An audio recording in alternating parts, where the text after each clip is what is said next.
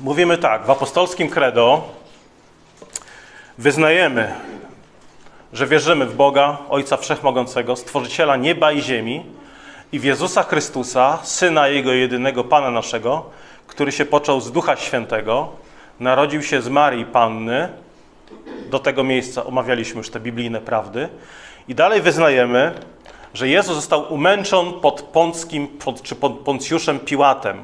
Został umęczony pod Poncjuszem Piłatem. I dzisiaj zajmiemy się tym zwrotem credo, które jest też wyrazem biblijnej prawdy, że Jezus cierpiał w czasach Poncjusza Piłata, czy został skazany przez Poncjusza Piłata, ale nie tylko umarł, nie tylko został pogrzebany, ale też cierpiał.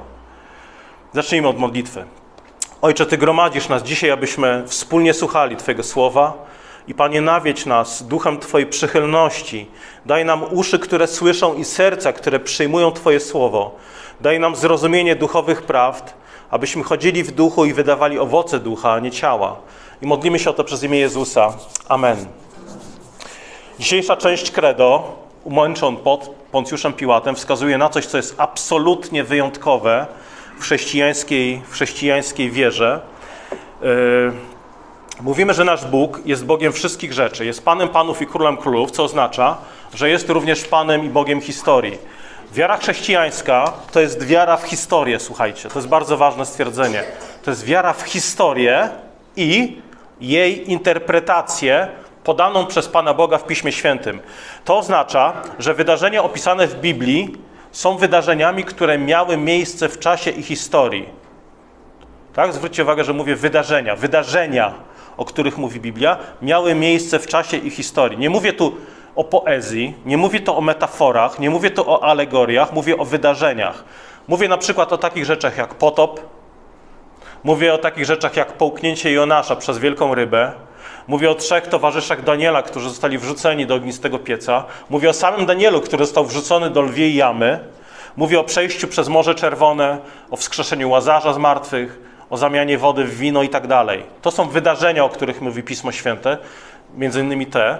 Te akurat zawierają w sobie ten aspekt cudowności, aspekt cudów, ale to są wydarzenia historyczne. To nie są jakieś metafory, prawdy duchowe.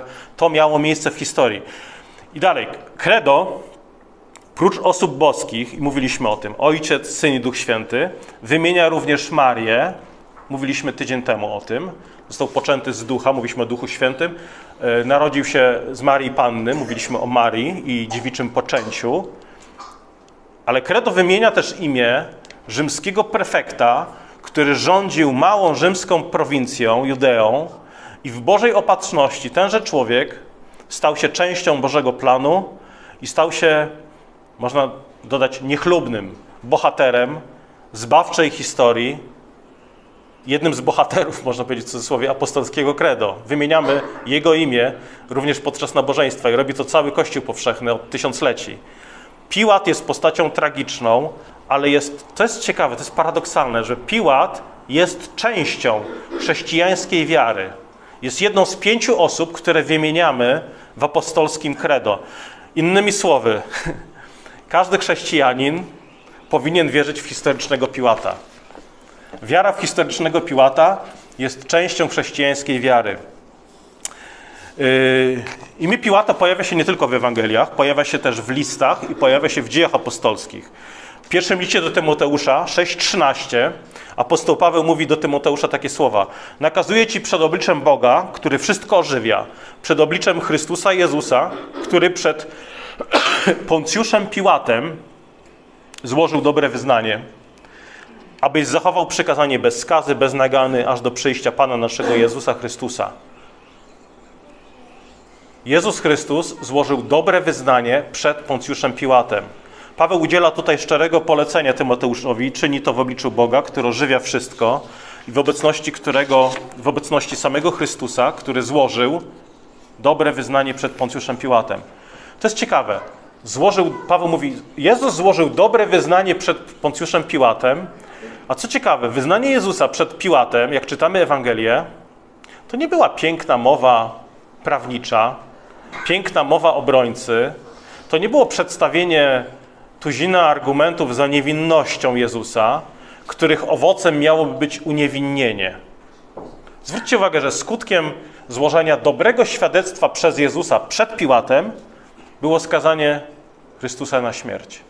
To był, to był owoc złożenia dobrego świadectwa. A mimo to Paweł mówi, Jezus złożył dobre świadectwo przed Piłatem. To nas uczy, co to znaczy składać dobre świadectwo przed ludźmi. To nie oznacza dążyć do zwycięstwa w dyskusji. To nie oznacza dążyć do zwycięstwa w argumentacji. To nie oznacza zagiąć człowieka w dyskusji. To oznacza złożyć świadectwo o prawdzie z właściwą postawą. Zwróć uwagę, możesz, być, możesz, zwrócić, możesz złożyć dobre świadectwo o Jezusie swoimi słowami, swoim postępowaniem, a następnie, 15 sekund później, być sponiewierany oskarżeniami. Możesz złożyć dobre świadectwo o Chrystusie, a za chwilę odejść ochlapany błotem obmowy, oskarżeń i tak. Ale wciąż możesz odejść z czystym sumieniem, bo zachowałeś się godnie, bo zachowałeś się jak trzeba, bo złożyłeś dobre świadectwo. Czyli kryterium tego, czy Twoje świadectwo jest Boże, jest Boże Słowo, a nie werdykt niewierzących. Ha, nie przekonałeś mnie, gadasz bzdury. I czasami się myśli, rzeczywiście, ojej, nie wyszło mi, nie przekonałem go, chyba, chyba nie złożyłem dobrego świadectwa. Stosuj Boże kryteria, a nie kryteria swoich rozmówców. Nie? Czasami się stresujemy, że coś tak źle powiedzieliśmy, że, że a jednak inaczej mogłem powiedzieć. Bo, dlaczego? No bo to nikogo nie przekonało, jeszcze spotkało się z oskarżeniami. Pamiętaj, świadectwo Jezusa nie przekonało Piłata, by go wypuścił. Piłat bardziej słuchał, nie dlatego, że świadectwo Jezusa był, czegoś, czegoś brakowało temu świadectwu, ale chodziło o to, że Piłat bardziej słuchał ludzi niż sumienia. Bardziej posłuchał ludzi niż prawdy wcielonej, która stała przed nim. A jednak Jezus złożył królewskie świadectwo Syna Bożego przed grzesznym człowiekiem. I zobaczcie, jak brzmiało to świadectwo przed Piłatem. Jak wyglądało jego świadectwo? No było, ja bym ogólnie, że było to świadectwo królewskiego milczenia. Wszystko do tego się sprowadziło, że Jezus po prostu głównie milczał. Jest, jest, jest kilka zdań, które tam wymienili, ale Jezus nie zamierzał y, wygłaszać dziesięciominutowej mowy obronnej. Naprawdę nie musimy wiele mówić, żeby nasze świadectwo wybrzmiało z mocą. Jeśli już miałbym, jeżeli już miałbym szukać jakich, jakichś zarzutów w sobie, że złożyłem niewłaściwe świadectwo, to to nie były świadectwa tego typu, że powiedziałem jedno słowo albo dwa, albo dwa zdania i kropka i potem myślę, a, czegoś zabrakło. Jeżeli już myślę o swoich, swoich świadectwach wobec ludzi, to jeżeli czegoś brakowało moim świadectwom, to sobie myślę, nie powinienem odpowiadać w pewnych sytuacjach nie powinienem, e, może o trzy zdania za dużo napisałem. Nie, nie dlatego, że było obraźliwe, ale dlatego, że robił się z tego jakiś słowotok.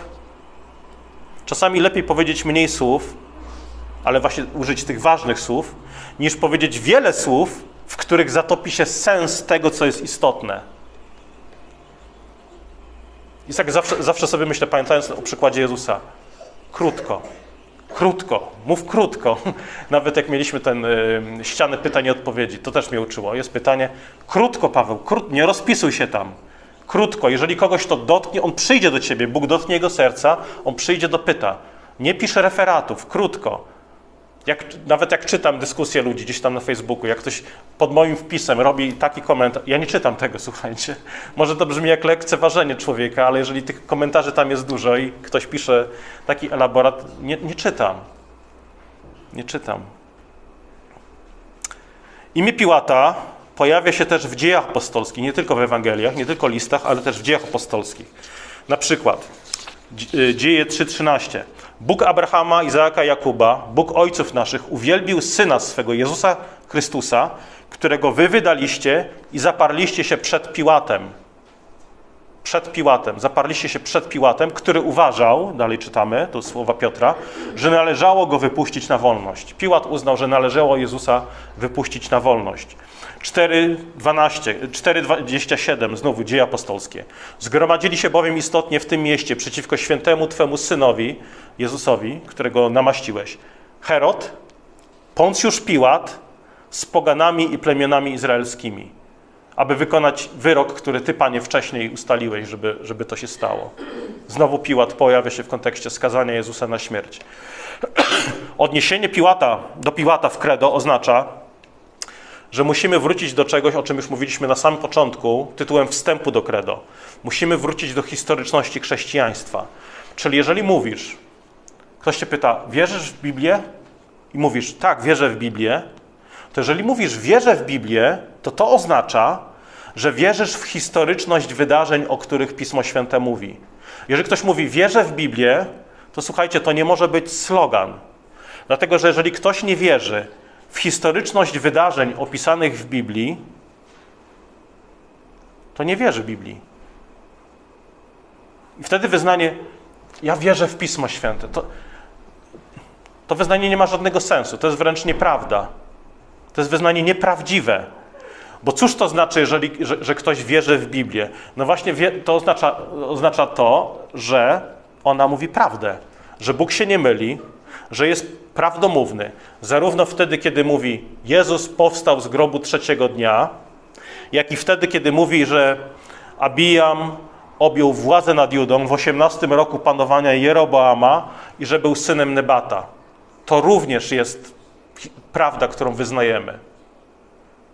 Apostoł Paweł naucza, 1 Koryntian 15-17, jeśli Chrystus nie zmartwychwstał, mówi o wydarzeniu w historii i w czasie, wtedy wiara nasza jest daremna. Jesteście jeszcze w swoich grzechach. Czyli jeżeli to wydarzenie nie miało miejsca w historii, jeżeli wasza wiara nie jest wiarą w historię, w historyczne wydarzenia, to wasza wiara, mówi Paweł, jest daremna. Dajcie sobie luz, dajcie sobie spokój. Ktoś powie, no ale jak mam sobie dać spokój? Ja może nie wierzę w historyczność tego, owego, o czym mówi Biblia, ale mi wiara w Boga pomaga w życiu. Pomaga mi jakoś przejść przez moje troski i problemy. Paweł mówi, daj sobie spokój. Albo daj sobie spokój, albo po prostu nawróć się. Bo to jest nie wiara w Boże Słowo, w prawdomówność Boga. Wiara w śmierci, zmartwychwstanie Jezusa ma sens tylko wtedy, jeżeli te wydarzenia miały miejsce. Uważasz, że Jezus nie zmartwychwstał? Ktoś mówi, no może nie zmartwychwstał. Ja wierzę w Jezusa, ale nie, niekoniecznie może zmartwychwstał, bo jego śmierć może nie była tak do końca realna. Może to ciało fizyczne nie było fizyczne, może to było jakieś astralne, a on na krzyżu tak naprawdę omdlał. I wtedy Paweł mówi, twoja wiara jest daremna, daj sobie spokój. Chrystus zmartwychwstał. Jeżeli nie, to jesteś dalej w swoich grzechach. Więc daj sobie spokój z chrześcijaństwem, albo upamiętaj się i nawróć do Chrystusa, który umarł i prawdziwie zmartwychwstał. Czyli zobaczcie, nie jesteśmy zbawieni przez wiarę w jakieś puste frazesy. Kiedy wyznajemy, że wierzymy, iż Jezus został umęczony pod Poncjuszem Piłatem, no to zwolennicy uduchawiania prawd biblijnych mają problem. Dlatego, że ktoś może naprawdę wiele sobie mówić, o, to ja wierzę w... No, może nie wierzę w to, że Daniel został wrzucony do lwiej jamy, ale ja wierzę w jakieś duchowe prawdy, które stoją za tą piękną baśnią i metaforyczną historią. Ludzie próbują uduchawiać wydarzenia, o których mówi Biblia, ale kiedy czytamy o Poncjuszu Piłacie i Jezusie umęczonym pod Poncjuszem Piłatem, to zwolennicy tego uduchawiania mają problem, dlatego że rzymskiego prefekta, który był i żył w historii, nie da się łatwo zamienić na duchową prawdę. Nie da się Piłata zakryć workiem i powiedzieć: Nie ma go, tak jak dzieci czasami zakrywają oczy. Nie ma mnie. Zakrywamy Piłata workiem. Nie ma go, nie istnieje. To jest ktoś inny. Nie było takiego kogoś. Można próbować zaprzeczyć historyczności, chociażby Piłata, ale wyjdą nam absurdy. Wyjdą nam absurdy i wtedy wyjdzie nam prawdziwe uprzedzenie człowieka do jasnych Bożych wypowiedzi Bożego Słowa. Kiedy dzieci uczą się o istnieniu Piłata, Niektóre uczą się nawet na historii. W szkołach publicznych, niekoniecznie na religii czy na szkółce dla dzieci. Uczą się też na historii powszechnej. Był ktoś taki. To powinni usłyszeć również, kto to był. No to był taki człowiek, rzym, yy, rzymski prefekt, Poncjusz Piłat, który skazał Pana Jezusa. Możemy iść dalej. Dlaczego go skazał? Kim był Pan Jezus? Za co został oskarżony? A kogo wypuścił na wolność ten, tenże Piłat? To pokazuje, jak ważna jest historia w chrześcijaństwie. Ale mówię, nie tylko historia, ale też interpretacja historii. Nie tylko uczymy faktów, ale też Bożej interpretacji faktów. Widzimy na przykład sędziego, który skazuje oskarżonego, Piłata, który skazuje Jezusa. Ta scena, kiedy Jezus stoi przed Piłatem, ona jest obecna też w wielu obrazach czy filmach i to nie zawsze chrześcijańskich autorów. Ale Biblia nam rzuca światło, jak interpretować tą scenę. Biblia nam mówi, że to oskarżony, ten oskarżony właśnie, ma prawdziwą władzę nad sędzią i że to ów sędzia kiedyś stanie przed trybunałem oskarżonego, który jest prawdziwie sędzią żywych i umarłych. Ale nie, nie dowiedzielibyście się tego z historii powszechnej. Nie dowiedzielibyście się tego, gdybyście nie czytali i nie znali Pisma Świętego. Czyli ważna jest wiara w historię i biblijną interpretację historii. Obecność Piłata w wyznaniu, w credo, przypomina nam, w jaki, w jaki sposób Chrystus został skazany na śmierć. Nie został zasztyletowany, nie został ukamienowany przez Żydów, nie został e, skazany przez człowieka, który był pozbawiony wszelkich skrupułów, został skazany przez człowieka, który wyznał: ja, ja w nim żadnej winy nie znajduję. I zamiast podążyć za tym przekonaniem serca i sumienia, postanowił zadowolić tłum, skazując niewinnego człowieka na śmierć.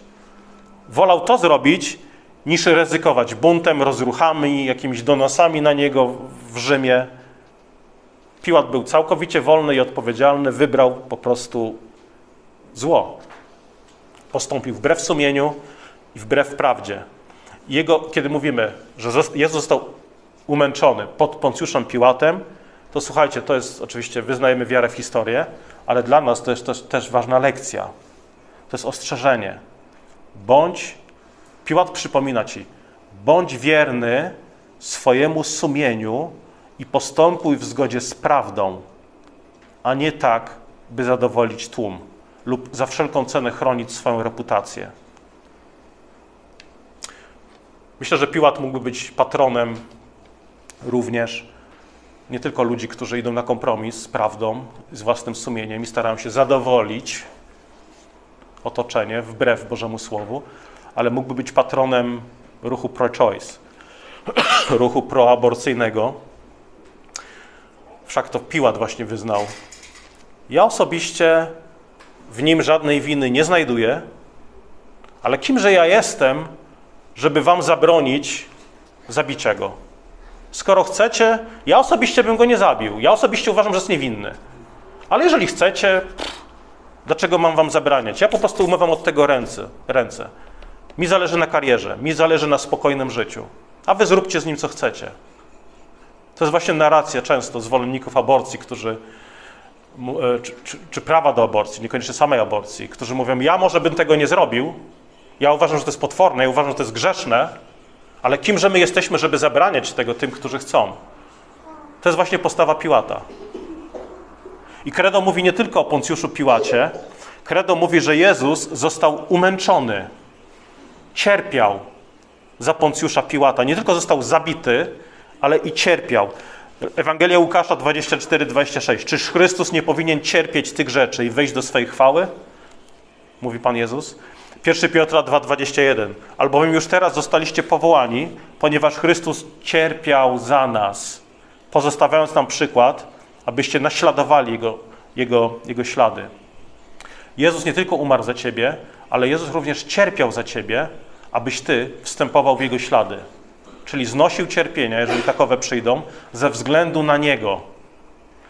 Czyli nie, nie tylko mówimy o śmierci Jezusa za nas, Mówimy również o Jego cierpieniu za nas. I to cierpienie również miało miejsce w określonym dniu, o określonej porze tego dnia. To nie było nic przenośnego, to nie było nic ezoterycznego, to było realne cierpienie Boga w ciele. Ale też musimy dodać, że cierpienia Jezusa były tymczasowe. To nie są cierpienia wieczne. Słuchajcie, wieczne cierpienie i wieczna śmierć są nieskuteczne, jeśli mówimy o odkupieniu. W liście do Hebrajczyków czytamy właśnie o tym, że Chrystus nie cierpi ustawicznie. Hebrajczyków 9:26. Mówimy, czytamy o nim, że w takim razie musiałby cierpieć wiele razy od, od początku świata, gdyby ofiary ze zwierząt były skuteczne, a ofiara Jezusa nie była wystarczalna, musiałby cierpieć cały czas, cały czas. Ale obecnie objawił się on jeden raz u schyłku wieków dla zgładzenia grzechu przez ofiarowanie samego siebie. Również list do Hebrajczyków 13:12. Dlatego Jezus, aby uświęcić lud własną krwią, cierpiał, czas przeszły, cierpiał, nie cierpi, cierpiał poza bramą.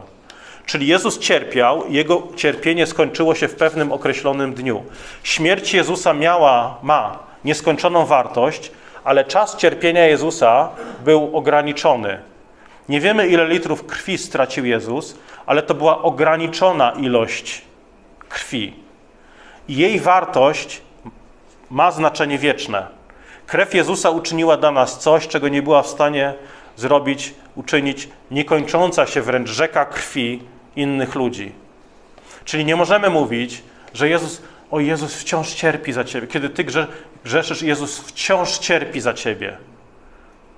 Ręce Jezusa są wciąż przybite, są przy, albo wciąż przybijane do krzyża. Nie możemy tak powiedzieć. Nie możemy powiedzieć, że ręce Jezusa wciąż krwawi. To kiedyś Radek chyba cytował e, jakiegoś, e, nie wiem kogo to. E, ręce Jezusa wciąż krwawią, tak? Więc oddaj mu swoje. Coś w tym stylu. Och, jakie to takie sentymentalne. Jego ręce wciąż krwawią. Oj, przecież on cierpi za ciebie cały czas. Więc ty oddaj mu swoje ręce. Nie możemy mówić, że Jezus jest wciąż cierpiącym Jezusem. Dlatego, co prawda, ten krzyż znowu dzisiaj spadł, co jakiś czas spada, ale, ale krzyż, a tutaj jeszcze mamy krzyż, on jest pusty. Jest pusty. Nie ma na nim Chrystusa. To nam przypomina, że Jezus nie cierpi ustawicznie. Jezus zmartwychwstał i odszedł do chwały Ojca. Nie wisi dłużej na krzyżu. Czyli Jezus cierpiał i to cierpiał fizycznie. Y, Jezus cierpiał fizycznie, gdy był opluwany, biczowany, gdy na jego głowę założono cierniową koronę, gdy jego nogi i ręce były przybijane gwoździami do krzyża. I to jest rodzaj cierpienia, które jest niewyobrażalne. I myślę, że na przykład film Pasja, większość z Was pewnie widziała, film Pasja dobrze oddaje ogrom fizycznego cierpienia Jezusa. To było coś niewyobrażalnego. Ale mówiąc o cierpieniu Jezusa, myślę, że Biblia, nie, nie chcę tutaj ważyć, mm, czy, czy bardziej, czy mniej, ale Biblia podkreśla duchowy wymiar Jego cierpienia. Dlatego, że największym bólem dla Syna Bożego było to, że kiedy wisiał na krzyżu, czuł się opuszczony przez Ojca, wołając: Boże mój, czemuś mnie opuścił. I myślę, że to było tym największym cierpieniem ofiary Chrystusa. To było największe cierpienie. To jest prawdziwy wymiar męki z powodu grzechu, czyli bycie opuszczonym przez Boga. Słuchajcie, jeżeli cierpimy, nawet cierpimy fizycznie, ale ze świadomością, Bóg jest przy mnie. Możesz, możesz cierpieć fizycznie, ale ze świadomością, Bóg jest obok mnie, to jeszcze nie jest ten największy wymiar cierpienia, ale kiedy ktoś jest opuszczony przez Boga, to ja bym powiedział, że to jest jakiś rodzaj dezintegracji, rozpadu. W człowieku żyjącym bez Boga, bez Stwórcy, bez Zbawiciela jest jakieś straszliwe wyobcowanie. Kiedy mówimy na przykład o piekle, to głównym powodem cierpienia w piekle jest życie bez Boga, życie bez więzi z Bogiem. Dlatego mówimy, że człowiek, który idzie do piekła, w jakimś sensie otrzymuje to, co wybrał już za życia. Wybrałeś, wybrałeś życie bez Boga, Bóg szanuje odpowiedzialność takiego człowieka i mówi, będziesz je kontynuował w wieczności. I to jest, myślę, ten największy wymiar cierpienia w piekle. Życie bez Boga. Czym jest życie bez Boga? No myślę, że pokazuje to krzyż. Pokazuje to cierpienie Jezusa, który zawołał, Boże mój, czemuś mnie opuścił. I co się stało? Ciemność zaległa ziemię. Życie bez Boga to jest ciemność, to jest ból, to jest rozpad, to jest jakaś taka dezintegracja człowieczeństwa, to jest męka duszy. Czyli mówimy, że Jezus cierpiał pod Poncjuszem Piłatem i cierpiał fizycznie i cierpiał duchowo. Działo się to niewinnie. Był jedyną ofiarą w historii, która mogła powiedzieć: Jestem prawdziwie niewinny. Ja, my czasami lubimy siebie stawiać w roli ofiary. Ach, jak jestem biedny, ja cierpię jako ofiara. Nie, ofiara była jedna. Jedyną prawdziwą ofiarą, która była bez grzechu, był Jezus Chrystus. Jezus stał się tą ofiarą dobrowolnie, aby Ciebie i mnie wyzwolić z powodu naszych przestępstw i dać nam nową tożsamość świętych, odkupionych, dzieci Bożych, wybranych. Czyli Jezus umarł, żebyś Ty umarł, żebyś Ty mógł umrzeć dla grzechu. Jezus żyje, żebyś Ty mógł żyć. Jezus żyje wiecznie, abyś mógł żyć wiecznie. Obecność cierpienia w credo przypomina nam o dobrowolnym cierpieniu Chrystusa, o tym, że cierpienie nie jest bez sensu. Cierpienie Chrystusa nadaje sens cierpieniu wierzących. Wiele religii, wiele filozofii, ideologii obiecuje uwolnienie od cierpienia tu i teraz. Chcą stworzyć raj na ziemi bez Boga, ale też bez cierpienia. W chrześcijaństwie mówimy o końcu cierpienia po zmartwychwstaniu. Mówimy o końcu cierpienia na nowej ziemi, w nowym niebie. Na przykład, zwróćcie uwagę, y, buddyzm na przykład. Buddyzm mówi o ustaniu cierpienia tu i teraz. Mówi tak, co jest przyczyną cierpienia człowieka? Nie grzech. Tak? W filozofiach wschodnich nie ma takiego pojęcia jak grzech. Jest karma, jest akcja i reakcja, ale nie mówimy, że to jest dobre lub złe. Przyczyną cierpienia nie jest grzech. Przyczyną cierpienia w buddyzmie są pragnienia, których człowiek nie jest w stanie zaspokoić. Czyli co jest receptą na ustanie cierpienia w świecie? No, zdaniem wschodnich religii i filozofii, receptą jest wyzbycie się pragnień. No bo jeżeli masz pragnienie, i to pragnienie, wiele pragnień mamy, tak? Wiele z tych pragnień nie jest zrealizowanych i to prowadzi człowieka do cierpienia. Więc musisz się wyzbyć pragnień. I teraz wyobraźcie sobie medytującego Buddę, który doznaje oświecenia, kontemplując, kontemplując z dala od ludzi, z dala od problemów, z dala od chorób, z dala od cierpień innych ludzi. Yy, I robi to z dala właśnie od, od, od, od źródła problemów, czyli ludzi. Yy, I to pragnienie niesienia dobra, pragnienie niesienia pomocy, pragnienie niesienia ulgi, które jest widoczne też w różnych chrześcijańskich misjach, kiedy chrześcijanie zakładają sierociniec, dom samotnej matki. Tego nie znajdziecie w religiach wschodnich. Dlaczego? Dlatego, że angażowanie się w życie ludzi, poplątane życie ludzi, w cierpienie innych prowadzi nas do pragnień, nierealizowanych pragnień i siłą rzeczy do cierpienia. Cierpienie w niechrześcijańskich religiach i filozofiach jest niechcianym intruzem, jest bezsensownym gościem, którego musisz wypędzić tu i teraz. My mówimy, że tak, cierpienie jest owocem upadku, przyjściem na świat grzechu, ale mówimy, że cierpienie Chrystusa nadaje sens naszemu cierpieniu. Ewangelia Mateusza 5:10. Błogosławieni, którzy cierpią prześladowanie z powodu sprawiedliwości, albowiem ich jest Królestwo Niebios. takich stwierdzeń nie, nie znajdziecie w żadnej religii, że ktoś jest błogosławiony, bo jest prześladowany. No jeżeli ktoś jest prześladowany, to cierpi. No to jak może być błogosławiony? Ma, że tak powiem, kolokwialnie przechlapane. Jak może być błogosławiony, jeżeli jest prześladowany? List do Filipian 1,29. Gdyż wam dla Chrystusa zostało darowane to, że możecie nie tylko w Niego wierzyć, ale i dla Niego cierpieć. Zostało ci darowane, że masz przywilej cierpieć dla Chrystusa. Co jest zupełnie, mówię, poza kontekstem krzyża, poza kontekstem cierpienia Chrystusa jest bezsensowne, jest niezrozumiałe dla człowieka bez Boga. Czasami ludzie pytają o to, słuchaj, y, Twoim zdaniem, były też takie pytania na, na, tych, na, tych, y, na tej ścianie pytań, odpowiedzi. Jaki sens ma cierpienie ludzi? Ludzi, którzy chorują, ludzie, którzy tracą pracę, ludzie, którzy tracą bliskich, tracą dom z powodu jakiejś powodzi czy wybuchu wulkanu. I słuchajcie, nie ma prostej odpowiedzi na pytanie o sens ludzkiego cierpienia. Wiemy, że cierpienie na świat zaprosił ludzki grzech, zaprosił człowiek, kiedy zbuntował się przeciwko Bogu. Od tamtej pory Wszelkie stworzenie jest poddane śmierci i cierpieniu. Ale mówiąc o sensie cierpienia, przyczynie cierpienia, o trzech rzeczach możemy powiedzieć. Może być cierpienie, które jest owocem, rezultatem Bożego sądu za ludzki grzech. Na przykład Dawid cierpiał po tym, jak zgrzeszył z Batrzebą. Cierpienie króla Sedekiasza po najeździe Babilończyków. To również było cierpienie wskutek jego grzechu i przestępstw. To jest, to jest ten rodzaj cierpienia, które w wymiarze doczesnym jest obrazem i zapowiedzią wiecznego cierpienia po śmierci.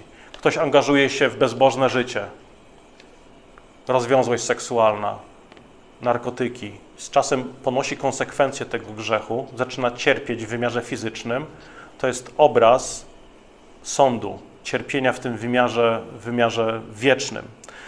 Yy, drugi rodzaj cierpienia to jest karcenie Boże w życiu wierzących. To już nie jest sąd nad niewierzącymi. To jest Boża dyscyplina, czyli grzeszymy jako dzieci Boże i Bóg jako dobry ojciec po prostu nas dyscyplinuje, wychowuje nas. Biblia mówi o ojcowskim karceniu, które wydaje dobre owoce, chociaż w momencie samego karcenia ono nie jest przyjemne. Jak to jak z klapsami? No klapsy nie są przyjemne, ale klapsy są e, chwilowe. To jest chwilowe.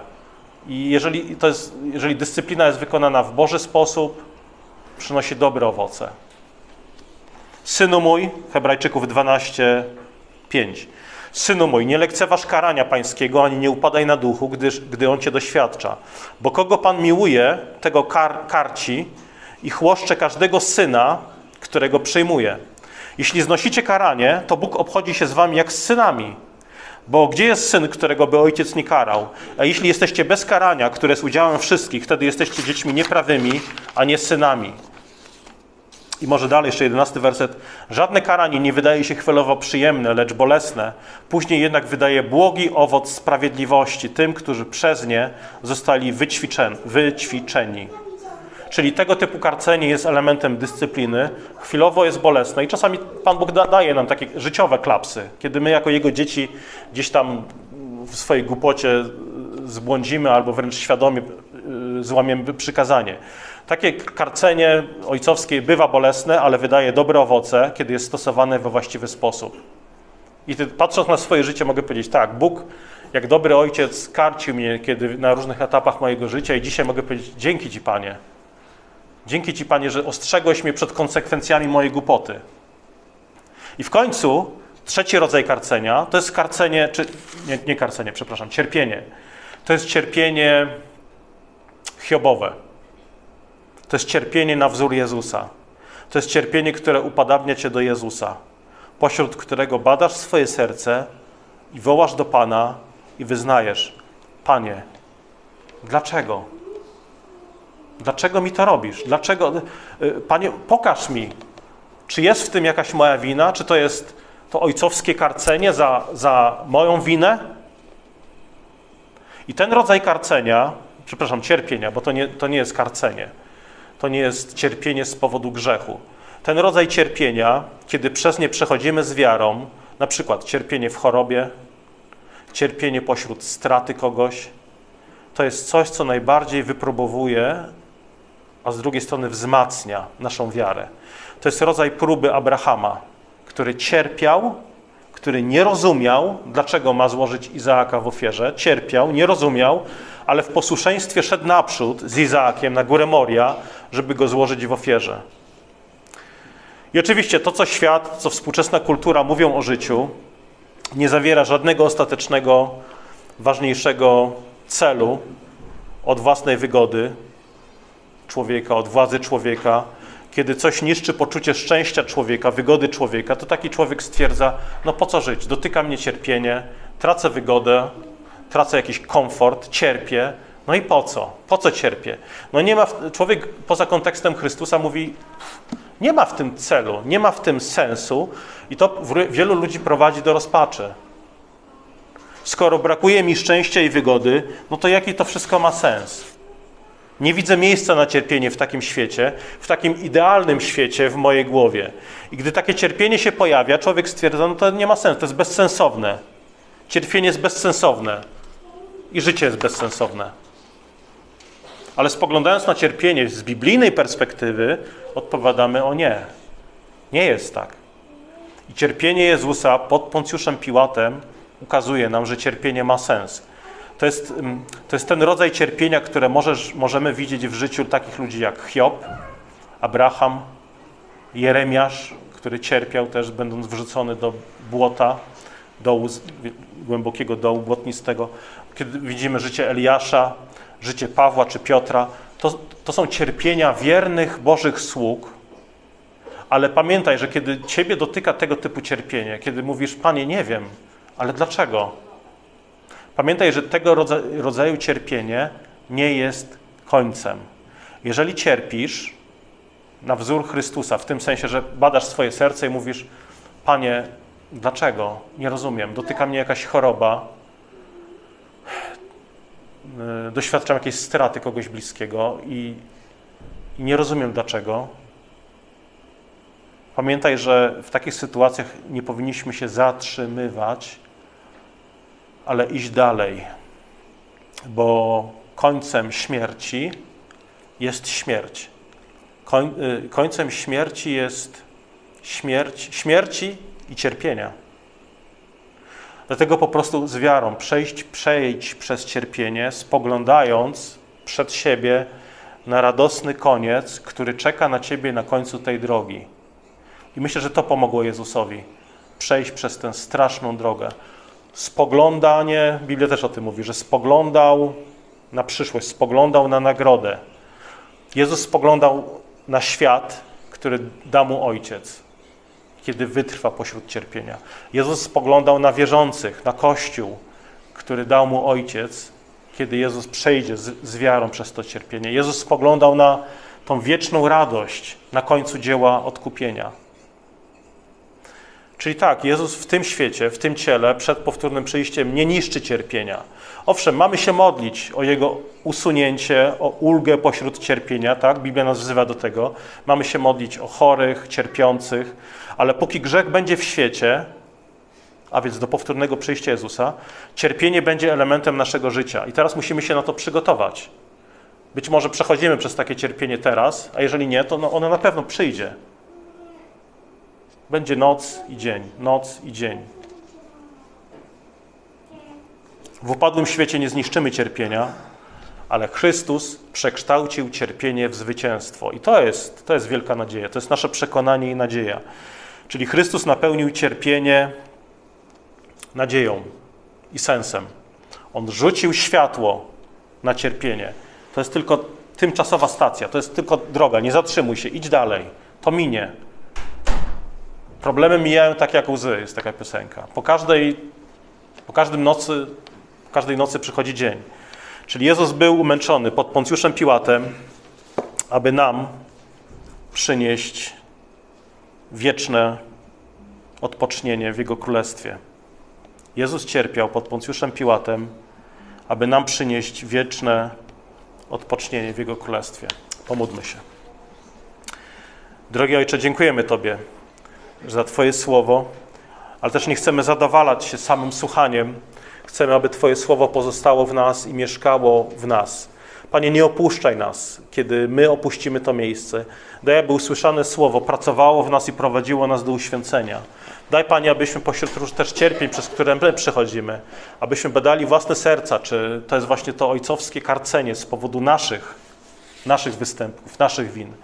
Daj Panie, abyśmy e, też nawracali się każdego dnia z naszych win, ale też kiedy patrzymy na własne serce i widzimy, że to jest cierpienie, gdzie nie znajdujemy przyczyny czy, czy odpowiedzi na, na, na jego przyczynę, daj, abyśmy Panie wytrwali w wierze, abyśmy spoglądali na Chrystusa, który przeszedł przez cierpienie z nadzieją, e, właśnie z tą nadzieją, że jest to chwilowe, że jest to tymczasowe, dlatego że spoglądał na wieczną chwałę, wieczną nagrodę. Przydaj nam, Panie, wytrwałości, przydaj nam wiary, yy, nadziei i wszelkiej radości, również pośród, pośród przeciwności, trudów i wyzwań. Amen.